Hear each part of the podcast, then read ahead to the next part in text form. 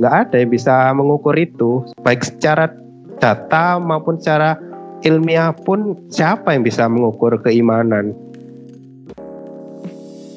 kembali lagi di biasa bicara tempat membicarakan apa saja dari kacamata orang biasa ini episode berapa ya Udan? Nggak inget sih ini episode berapa ya. Tapi masih sama kok, masih dengan saya, Dodi. Tapi hari ini kita kedatangan seorang yang berbeda lagi. Kayak episode-episode sebelumnya kan beda-beda tuh. Nah sekarang saya ditemanin sama salah satu teman saya juga.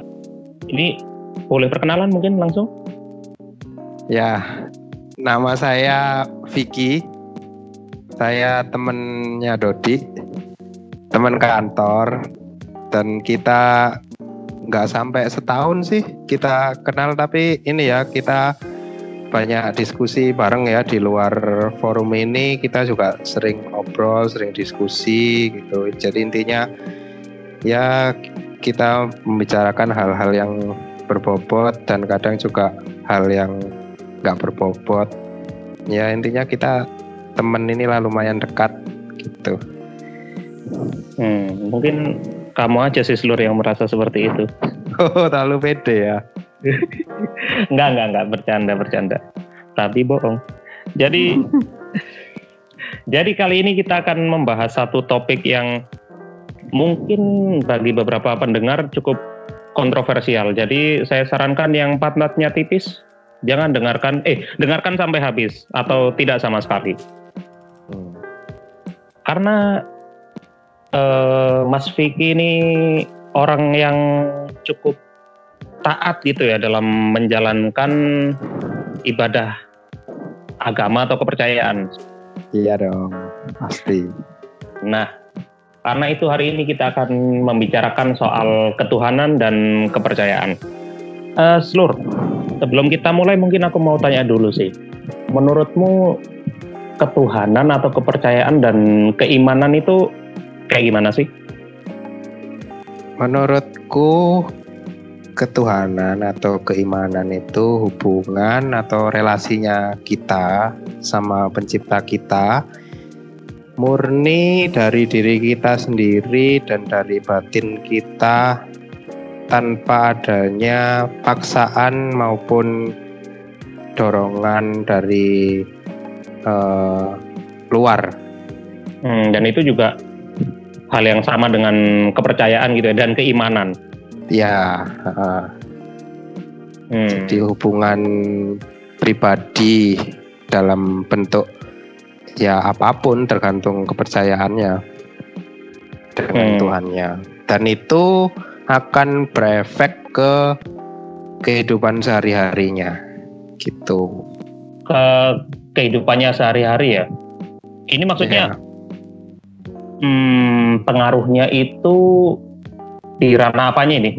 Perbuatannya kayak atau pandangannya dia terhadap hidup atau ke standar moralnya dan lain sebagainya gitu seluruh.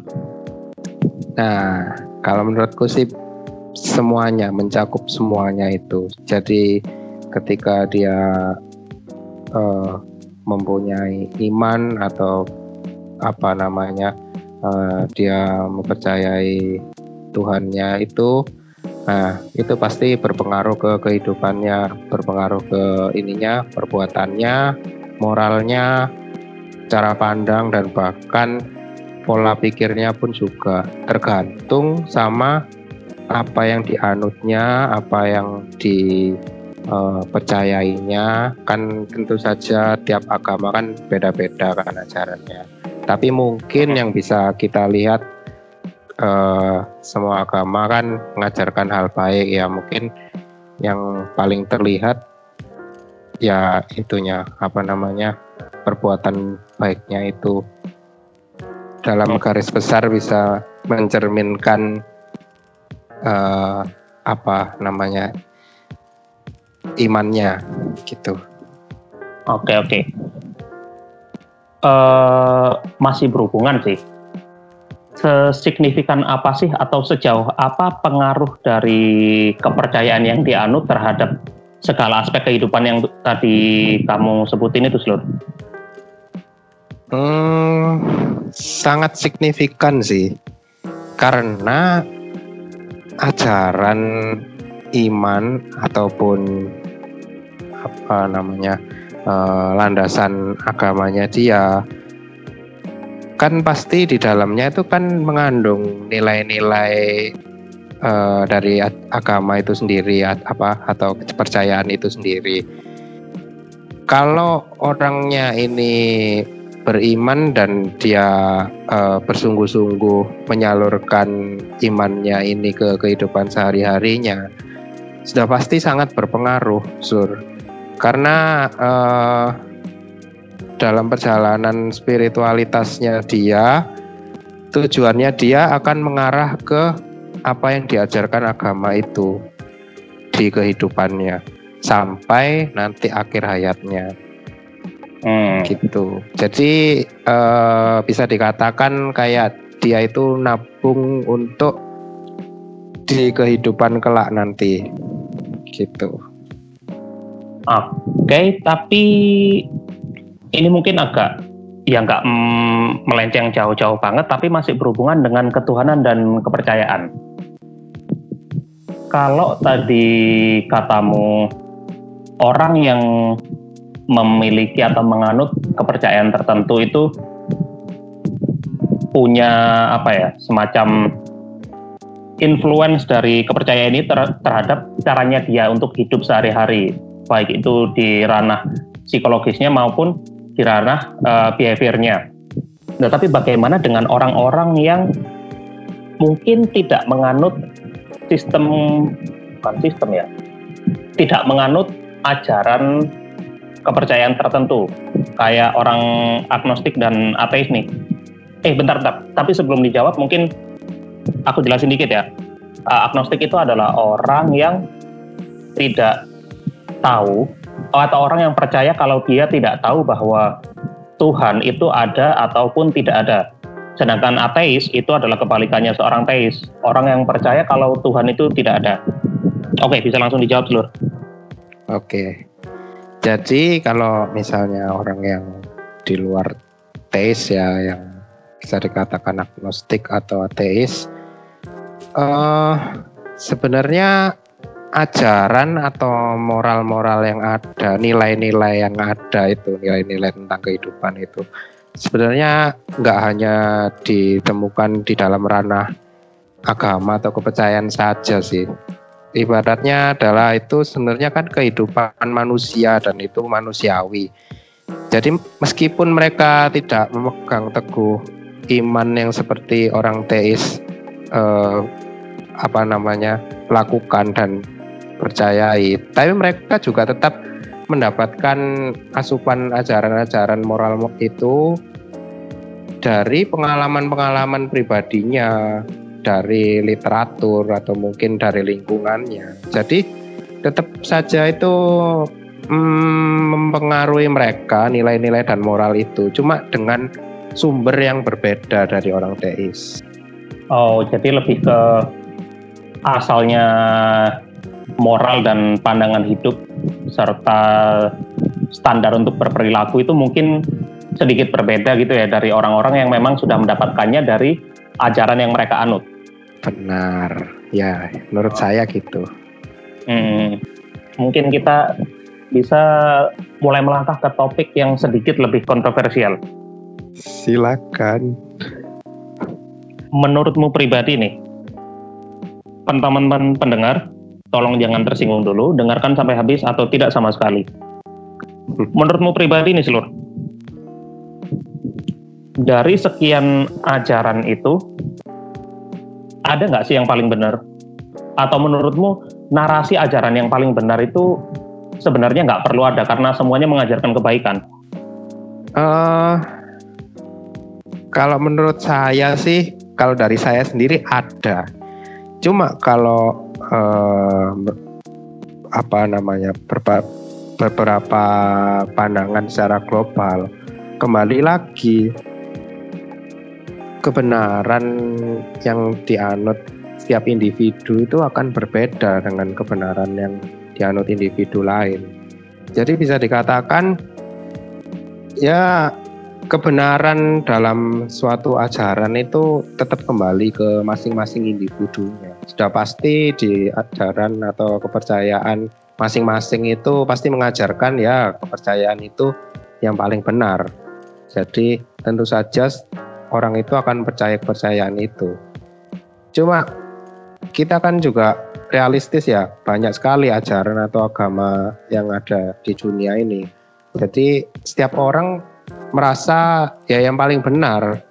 Cuma jangan sampai karena rasa benar menurut pribadinya itu akhirnya sampai bergesekan dengan individu yang lain. Sebaliknya sebenarnya eh, ajaran dan iman dan moral yang benar menurut mereka itu harusnya lebih diterapkan secara kehidupan pribadi bukan dengan uh, berkonfrontasi atau bergesekan dengan ajaran yang lain. Mungkin kalau aku bisa sedikit menyimpulkan gitu ya, masalahnya bukan membicarakan mana yang lebih benar, tapi membicarakan mana yang lebih baik gitu. Dan yang baik adalah tidak uh, berkonfrontasi dengan pandangan yang mungkin berbeda atau berseberangan gitu ya, Seluruh. Ya, benar. Jadi kembali lagi soalnya uh, iman dan perjalanan spiritualitas dan tentu saja ajaran agamanya setiap orang kan berbeda-beda. Jadi yang baik menurutnya dia uh, bisa juga kurang baik atau kurang sempurna menurut orang lain. Sebaliknya orang lain pun juga memiliki pandangan yang sama. Jadi akan terus berputar seperti itu. Jadi sebaiknya ya uh, kalau sudah seperti itu ya nggak mungkin ada penyelesaiannya juga kan. Setiap orang punya uh, pendapat dan uh, standar baik dan benarnya menurut mereka sendiri ya buat apa bergesekan ujung-ujungnya juga itu adalah perjalanan individunya masing-masing mereka pengalamannya sendiri kenyamanannya sendiri hmm. gitu tapi itu tadi kan antar eh, pandangan atau ajaran yang berbeda atau berseberangan gimana kalau sesama teis hmm. eh, itu yang menganut ajaran yang sama itu memperdebatkan bahwa pandangan mereka yang lebih benar daripada pandangan individu lainnya padahal yang dianut sama gitu kepercayaan yang sama gitu hmm. sebenarnya masalah seperti itu kan bukan masalah baru ya dari dulu mungkin dari awal-awal ajaran agama itu uh, muncul sudah pasti timbul konflik seperti itu itu kan sebenarnya cara pandangnya uh, perbedaan tafsiran atau perbedaan cara menyimpulkan dari kitab suci dari suatu agama itu.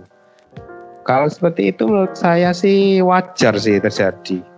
Karena ya siapa ya yang bisa mengkontrol uh, pemikiran manusia uh, yang mungkin yang bisa diluruskan atau yang bisa dijadikan pakem sama agama-agama itu ya akhirnya ada landasan-landasan tertentu yang uh, tidak memperbolehkan si A atau si B dalam satu ajaran agama yang sama ini sampai melewati batas itu. Selebihnya mungkin ya berbeda cara pandang maupun berbeda persepsi itu wajar sih. Intinya kembali lagi mereka beriman pada Tuhan atau ajaran yang sama. Oke. Okay. So, mungkin hmm. eh tambah lagi sih. Mungkin okay, juga okay. ini dibatasi juga ya sama uh, pengetahuan mereka soal agamanya mereka masing-masing. Mungkin si A mempunyai pengetahuan terhadap agama masih sampai uh, rate 7 kalau yang si B sudah sampai 10 lah itu mereka mungkin bergesekannya gara-gara ini uh, apa namanya uh, bobot pengetahuannya mereka itu berbeda gitu. Oke. Terakhir nih Silur. Ya, oke. Okay. Menurutmu ini ke uh, pandanganmu terhadap sesama teis atau teis dengan agnostik, teis dengan ateis atau agnostik dengan ateis. Nah, menurutmu perlu nggak sih memperdebatkan tentang ketuhanan? Ketuhanan di sini konteksnya adalah kepercayaan, sistem kepercayaan dan eksistensi dari Tuhan itu sendiri. Nah, kalau menurutku sudah pasti tidak perlu. Karena mereka masing-masing sudah punya pandangan dan landasan sendiri di hidup mereka. Yang satu dipengaruhi oleh ajaran agama, yang satu diajar apa dipengaruhi oleh yang bukan agamis. Nah, dari cara pandang masing-masing itu akan menghasilkan suatu kebenaran yang masing-masing pula. Ada yang percaya Tuanku ada dan Tuanku ini. Ada yang pula percaya aku nggak percaya Tuhan, aku percaya adanya ini. Ada juga yang mungkin tidak membutuhkan ketuhanan itu ya kayak agnostik itu kan. Nah, memperdebatkan itu nggak akan ada habisnya, nggak akan ada ujungnya, dan tentu saja nggak akan memuaskan mereka. Jadi aku rasa sih nggak perlu memperdebatkan itu karena ya itu perjalanan spiritualitas dan perjalanan moral masing-masing individu. Nggak ada yang bisa mengukur itu baik secara data maupun secara ilmiah pun siapa yang bisa mengukur keimanan. Karena itu ya emang relasinya kita terhadap yang di atas maupun itu relasinya kita terhadap ya apa pun itu yang dipercaya dia. Karena nggak bisa diukur itu ya kita mau apa sebagai manusia? Uh, tidak ada pembuktian secara ilmiah bahkan. Mungkin kita cuman bisa berasumsi aja kalau orang ini imannya ternyata seperti ini orang ini ajarannya seperti ini orang ini ternyata punya prinsip hidup seperti ini. Ya udah cuman ibaratnya kalau bahasa gaul sekarang ya cukup tahu aja. Jadi nggak nggak pantas sebenarnya diperdebatkan karena ujung-ujungnya membuang waktu, membuang tenaga dan tidak akan memuaskan kita. Gitu. Karena kebenarannya ya relatif dari mereka sendiri-sendiri. Gitu. Oke, oke, keren banget. Aku paling suka bagian yang tadi, semuanya maksudnya sepanjang podcast. Mungkin kalau aku bisa nambahin sedikit, aku mau ngutip dari kata-katanya Immanuel Kant soal perdebatan agama. Hmm. Jadi Kant ini pernah bilang kalau memperdebatkan soal agama atau kepercayaan itu hal yang sia-sia karena kita sebagai manusia tidak benar-benar memiliki pengetahuan di situ. Dan benar tadi yang dibilang kalau emang tingkat kepercayaan itu ya gimana ngukurnya? Ya, mungkin yang sering beribadah dengan yang ya maksudnya sering beribadah wajib dan beribadah yang disarankan itu uh. kan juga nggak bisa diukur selalu yang menjalankan lebih banyak ibadah itu secara kualitas akan lebih baik kan imannya. Benar, setuju. Itu juga rancu. Jadi kesimpulannya adalah itu tadi. Ya. Oke, terima kasih banget Mas Vicky udah menemani pembicaraan yang kontroversial. Sama-sama, saya juga senang untuk sharing. Hmm.